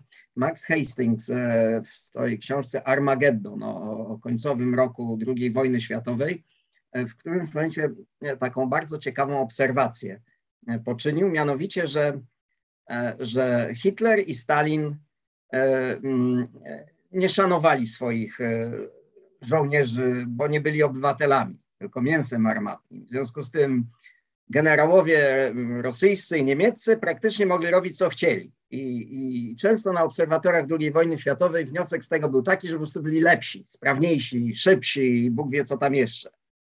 No bo nie szanowali swoich obywateli, podczas gdy państwa demokratyczne miały citizens armies, miały armię obywateli, ludzi zwykłych. I po lekcjach I wojny światowej każdy rząd i każdy generał jakoś tam z tyłu głowy miał to, że musi, musi przestrzegać pewnych norm. I to jest, wydaje mi się, bardzo ważna obserwacja dotycząca także stosunków międzynarodowych i tych polityk i wspólności i szybkości działania i reagowania. Demokracje z natury będą powolniejsze niż autokracje i z tym się musimy po prostu pogodzić. Ale z drugiej strony, właśnie demokracje mają tą wewnętrzną tą resilience. Jak już przyparte są do muru, jak uzyskają pewną jasność postrzegania sytuacji, to czasami przychodzi zbyt późno, czasami jest okupione różnymi kosztami, ale w którymś momencie ta jasność następuje, wtedy okazuje się, że demokracje są dużo sprawniejsze w mobilizowaniu także publicznego poparcia dla nawet twardych i kontrowersyjnych działań. To taki szerszy obrazek. I jeszcze do jednej rzeczy się odniosę, bo tu bardzo dużo już zostało powiedziane, więc nie będę mm, moim dużo bardziej kompetentnym interlokutorom e, próbował czegoś nowego powiedzieć. Ale chciałem się odnieść e, też do tej kwestii, mm, o, o której wspomniała pani profesor, mianowicie wydaje mi się, chciałbym zaproponować, że może nie do końca nie, nie do końca poprawnie pani zinterpretowała to, co powiedział pan minister Czaputowicz. Mnie się wydaje, że pan minister Czaputowicz w sposób wysoce dyplomatyczny zaznaczył, że dyplomacji polskiej udało się ograniczyć negatywny wpływ polityki na politykę państwa. E, I to było bardzo dyplomatyczne ze strony pana ministra, bo rzeczywiście trzeba powiedzieć, że te manewry polityczne akurat partii rządzącej w Polsce przez ostatnie kilka lat, no pewną konfuzję mogły wywołać co do intencji państwa. I to widzimy zarówno w kwestii Ukrainy, widzimy to w kwestii Chin i widzimy także w kontekście stosunku do naszych partnerów w regionie i zdolności Polski do przewodzenia w regionie. Ta kwestia litewsko-tajwańska jest tutaj dobrym przykładem, bo ja jakoś nie zauważyłem Polski, mówię teraz o Polsce i politycznej, i tej oficjalnej, MSZ-owskiej, w jakimś e, e, szalenie aktywnym wsparciu Litwy Czyli paradoks polega na tym, że z jednej strony my oczekujemy od naszych partnerów zachodnich w Unii Europejskiej, że oni się będą stanowczo zachowywali w wielu kwestiach polityki międzynarodowej, tam gdzie nasze interesy postrzegamy jako istotne, natomiast sami często zachowujemy się troszeczkę dwuznacznie. I ta polityka wobec Chin, którą pan minister Czaputowicz słusznie tutaj bardzo szczerze nam powiedział, że została skorygowana w pewnym momencie, jej początki w roku 2015 no były niepokojące, bo to była właśnie próba budowania odrębnego frontu w ramach Unii Europejskiej. To tam były jakieś zalążki takiego stawiania sprawy, że, że właściwie Unia Europejska i Chiny to są dwa odrębne byty z punktu widzenia Polski, że można tutaj równolegle budować pewną, czy, czy to, co pan profesor, pan minister Czaputowicz wspomniał o równym dystansie niektórych krajów Unii Europejskiej, to paradoksalnie Polska sprawiała przez moment wrażenie, że będzie usiłowała prowadzić politykę równego dystansu w stosunku do partnerów z Unii Europejskiej i do Chin, i do Stanów Zjednoczonych, co było niespójne, dlatego że Polska jako główny sojusznik Stanów Zjednoczonych w tej części Europy a po wyjściu Wielkiej Brytanii jednym z naprawdę najważniejszych sojuszników w ogóle w Unii Europejskiej, równocześnie prowadziła dość dwuznaczną politykę w stosunku do Chin. Więc no niestety, niestety ta polityka partyjna, ona w demokracji przekłada się na politykę państwową. To, to jest niebezpieczna iluzja, że możemy te dwa nurty od siebie oddzielić i, i, i, I wydaje mi się, że całe szczęście, że nastąpiła korekta. E, wydaje mi się, że ta jasność, o której wspominałem, że, że, że, że, że te wydarzenia na Ukrainie i, i, i te rywalizacje, że one wyostrzają spojrzenie, to na szczęście nastąpiło. I widzimy też w ostatnich tygodniach, że zarówno prezydent Duda, jak i MSZ, no tutaj jakieś wnioski z tego wszystkiego są wyciągane. I, i, i to jest dla mnie dobry prognostyk na przyszłość. I chciałem wspomnieć o jeszcze jednej rzeczy, która powoduje, że też uważam, że te relacje europejsko-chińskie może, może da się je sprowadzić na bardziej przyszłościowo partnerskie. Chiny w przeciwieństwie do Putina i nawet, nawet przewodniczący Xi Chiny są ostrożne.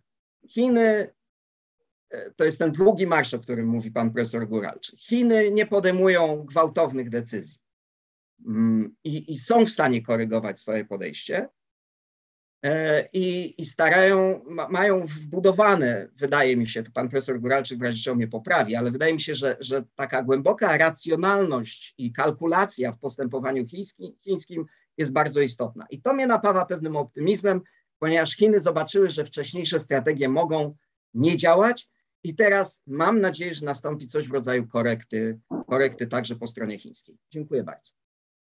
Dziękuję bardzo.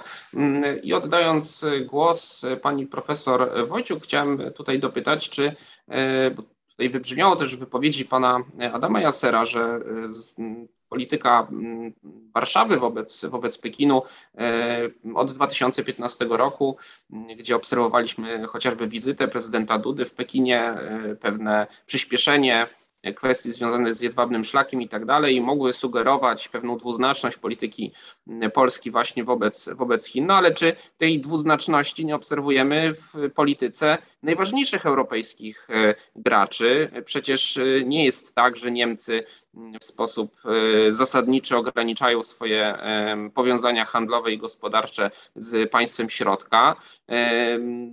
Mowa tutaj również o Francji. No, właściwie informacje z ostatnich dni, że Paryż zamierza razem z Chinami inwestować między innymi w, w Afryce i budować połączenia infrastrukturalne. Widać zatem, że czołowi europejscy gracze współpracują z Chinami, oczywiście w kwestii praw człowieka, w kwestii Xinjiangu, Hongkongu. Tutaj wypracowują swoje stanowisko i, i, i pokazują, no, można powiedzieć, pewne E, pewne twarde pozycje, natomiast właśnie w przypadku takich e, interesów handlowych czy gospodarczych, e, a nawet w kwestii Huawei, no przecież też stanowisko Niemiec w tej kwestii nie jest jednoznaczne, no pokazuje, że jednak mamy do czynienia właśnie na tym poziomie państwowym z, no właśnie, z taką niejednoznacznością w, w stosunku do, do Chin. Jak zatem pani to postrzega?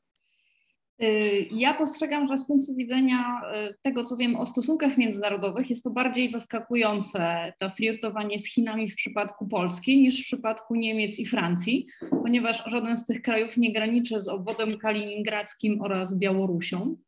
I y, w tym przypadku interesy bezpieczeństwa powinny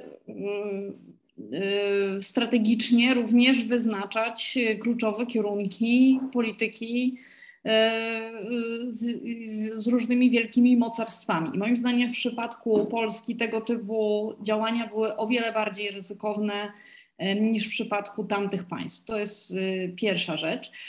Po drugie, tutaj Pan podał przykłady formatów dwustronnych. Tymczasem Polska była tak wiodącym inicjatorem przedsięwzięcia, które wciągało wiele państw Unii Europejskiej i y, tworzyło właśnie taki format multilateralny, więc jest to y, przedsięwzięcie zupełnie w innej skali, y, jeżeli chodzi o y, rozumienie całej struktury tego układu. Więc moim zdaniem to jest, y, to jest, to jest, to są dwie rzeczy, które moim zdaniem różnią naszą sytuację. Natomiast co do Niemiec i Francji, Y, oczywiście, że różne y, działania, y, również mające na celu podtrzymanie, tworzenie współpracy z Chinami są podejmowane, natomiast moim zdaniem trzeba popatrzeć na trend. I tak jak żeśmy już mówili w demokracjach, oczywiście, że to się nie dzieje na komendę, nie wszyscy na, na rozkaz idą w tym samym kierunku, jak ma to miejsce w autokracjach. Natomiast Y, w mojej ocenie trend jest taki, że siłom, które chciałyby robić deal z Putinem, z Xi Jinpingiem jest coraz trudniej. Y, I uważam, że na tym powinniśmy się skoncentrować. I jeszcze ostatnia rzecz, ponieważ mam sekundę, y, polemicznie, bo te, do tego się odniosłam do pana profesora Góralczyka i, i krytyki mojego stwierdzenia o sojuszu chińsko-rosyjskim. Oczywiście nie miałam na, miejsc, na, na myśli formalnego sojuszu, e, raczej taki sojusz cichy, w którym oczywiście Chińska Republika Ludowa jest tym senior partner i w którym zawsze Rosja będzie junior partner, zawsze będzie rozgrywana w sposób wygodny dla Chin, co zresztą wiemy chociażby z tych słynnych kontraktów gazowych, którym Chińczycy tragicznie mało płacą Putinowi za gaz. E, I e, więc widzimy, że to nie jest sojusz równoprawny. Natomiast e, co skłania mnie do tego, żeby nazwać ten sojusz właśnie takim sformułowaniem? Proszę Państwa, moim zdaniem w interesie Chin jest związanie Stanów Zjednoczonych we wschodniej Europie, ponieważ to otwiera im większe pole manewru na Tajwanie. I dlatego o tym mówię, po prostu z czysto geostrategicznego punktu widzenia. No i teraz jeszcze odnosząc się do, do sformułowania pana ministra Jasera, tak, jeśli pan profesor y, Czaputowicz to miał na myśli, to jasne, oczywiście gratuluję polskiej dyplomacji, bo cieszę się, że te rzeczy się nie ziściły, bo byłby to naprawdę zły sen. Dziękuję bardzo. Dziękuję bardzo. E, pan profesor Czaputowicz. Dziękuję, dziękuję. Tutaj jest kilka wątków. Ja może nie wszystko rozumiem, ale przypomnijmy fakty. Format 16 e, plus 1 powstał w 2012 roku. To nie za tego rządu to były te, te, te działania prowadzone wcześniej. Ja powiedziałem już, że w 2018 roku premier Mateusz Morawiecki zbojkotował szczyt 16 plus 1 w Sofii. To nie jest tak, jak Państwo to prezentują, że rząd chce albo jest jakiś szczególnie prochiński, czy był, kiedy ja byłem ministrem, czy teraz jest, bo to jest zupełnie nieprawda. Raczej był postrzegany jako, i tak jest, przez Chiny jako właśnie taki bardzo bliski sojusznik, nierównoprawny na pewno Stanów Zjednoczonych, bo to dotyczy aresztowania osoby z Huawei, to dotyczy właśnie tych wizyt ze Stanami Zjednoczonymi. To więc ta rzeczywistość nie wygląda tak, jak państwo to prezentują. Taka uwaga, żeby spojrzeć z większym oddechem. Druga rzecz tutaj, nie chciałem włączać wątków też takich bardziej teoretycznych, ale że jest do tego okazja.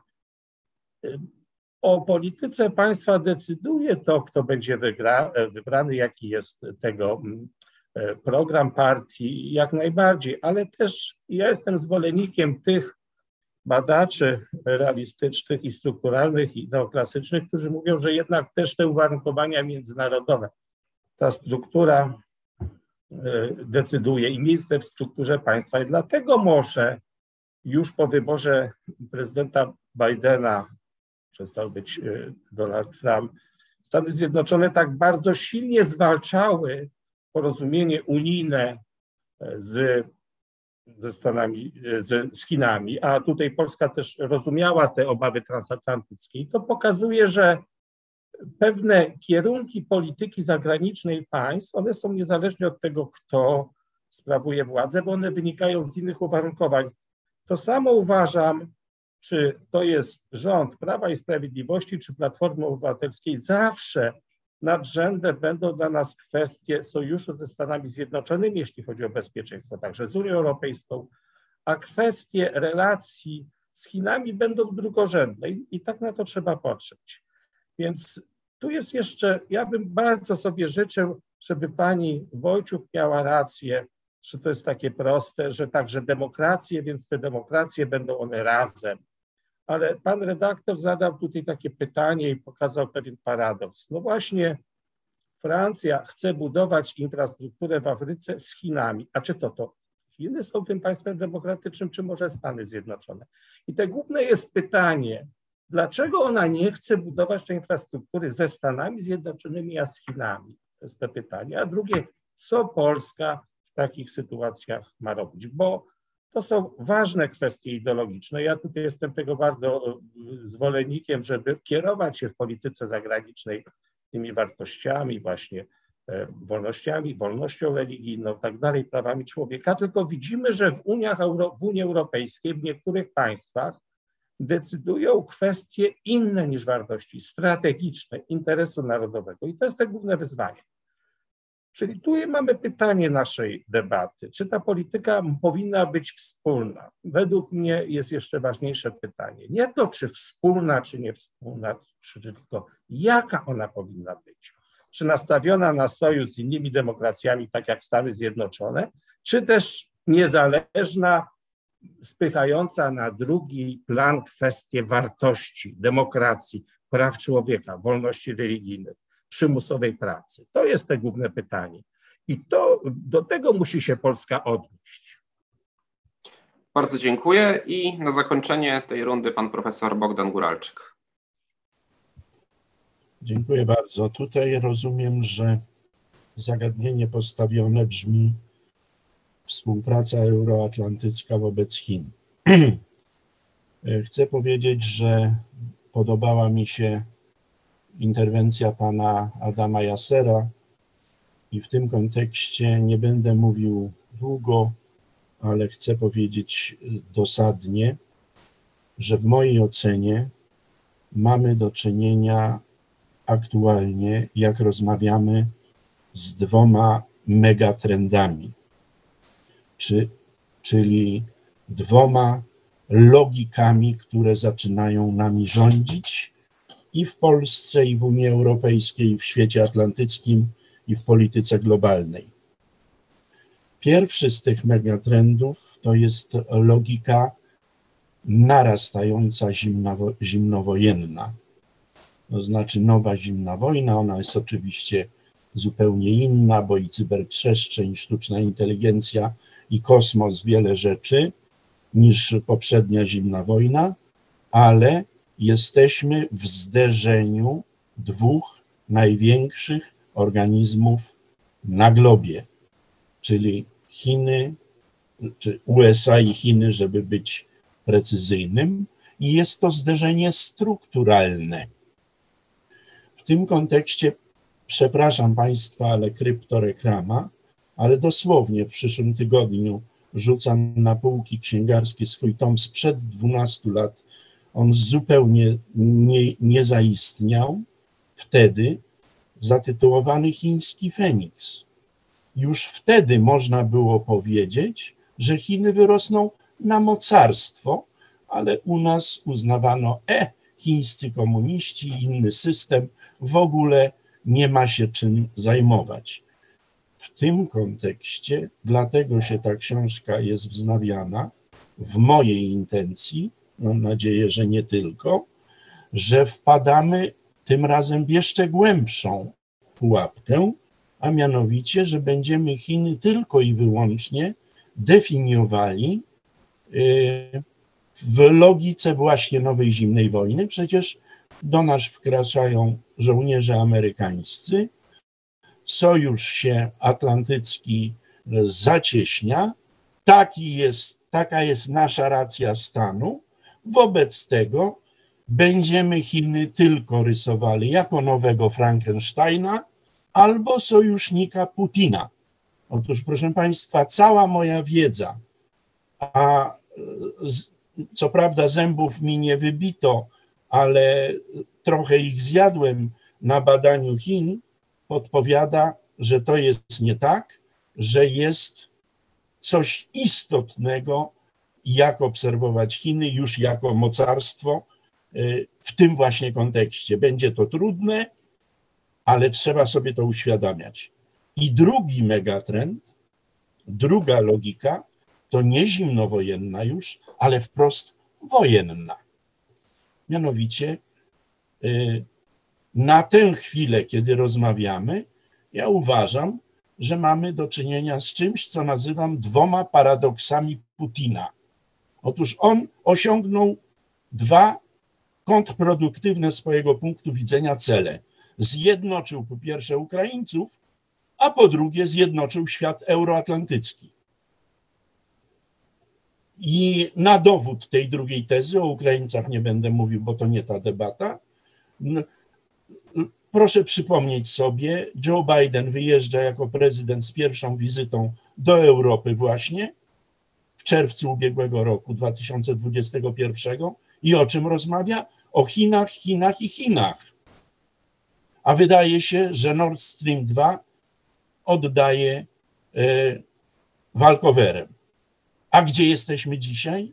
Jest sytuacja zupełnie inna, bowiem e, Amerykanie wracają do świata atlantyckiego, euroatlantyckiego. Wtedy, ze względu na to, że Chiny są głównym wyzwaniem, że w ubiegłym roku powstały dwa sojusze w sensie fizycznym wymierzone w Chiny. Jeden AUKUS, czyli Stany Zjednoczone, e, Australia e, i e, Wielka Brytania.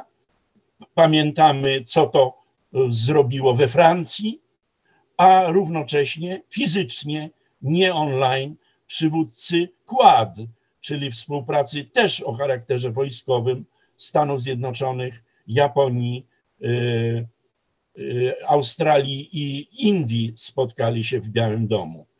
I wydawało się, że to będzie rządziło światem, ale Putin, i to jest ten drugi jego paradoks, sprowadził, że Amerykanie tu wrócili i trudno w tej chwili przewidzieć, jak będzie dalej.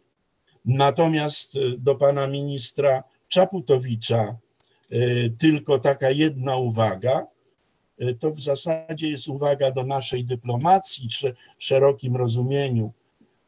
Użycie terminu relacje z Chinami powinny być dla nas drugorzędne.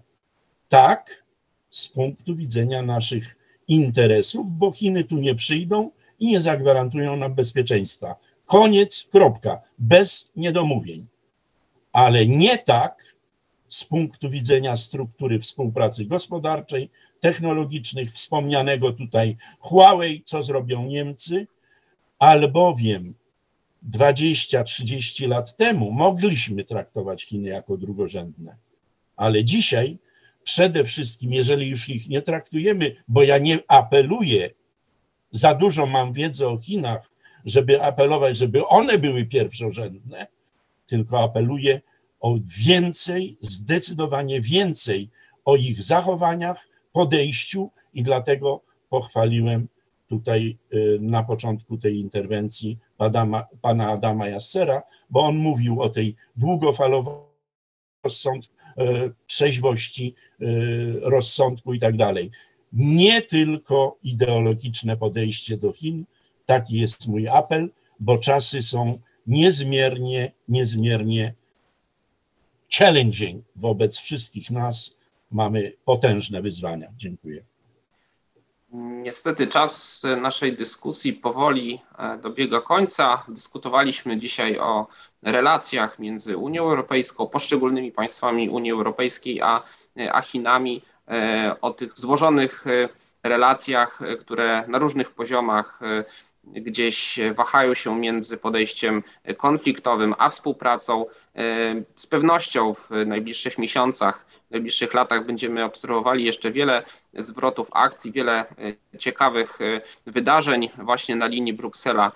Pekin i z pewnością nieraz również w nowej konfederacji, ale także w układzie sił będziemy się temu przyglądać i o tych kwestiach dyskutować. Ze swojej strony bardzo serdecznie dziękuję Państwu za E, dyskusję. Pan profesor Bogdan Guralczyk, pan Adam Jaser, pan Grzegorz Stec, e, pan profesor Jacek Czaputowicz oraz pani profesor Anna Wojciuk e, byli dzisiaj z Państwem. Ja również kłaniam się nisko, Marek Stefan i zapraszam na kolejną debatę Nowej Konfederacji. Do zobaczenia. Dziękujemy, do zobaczenia. Dziękujemy.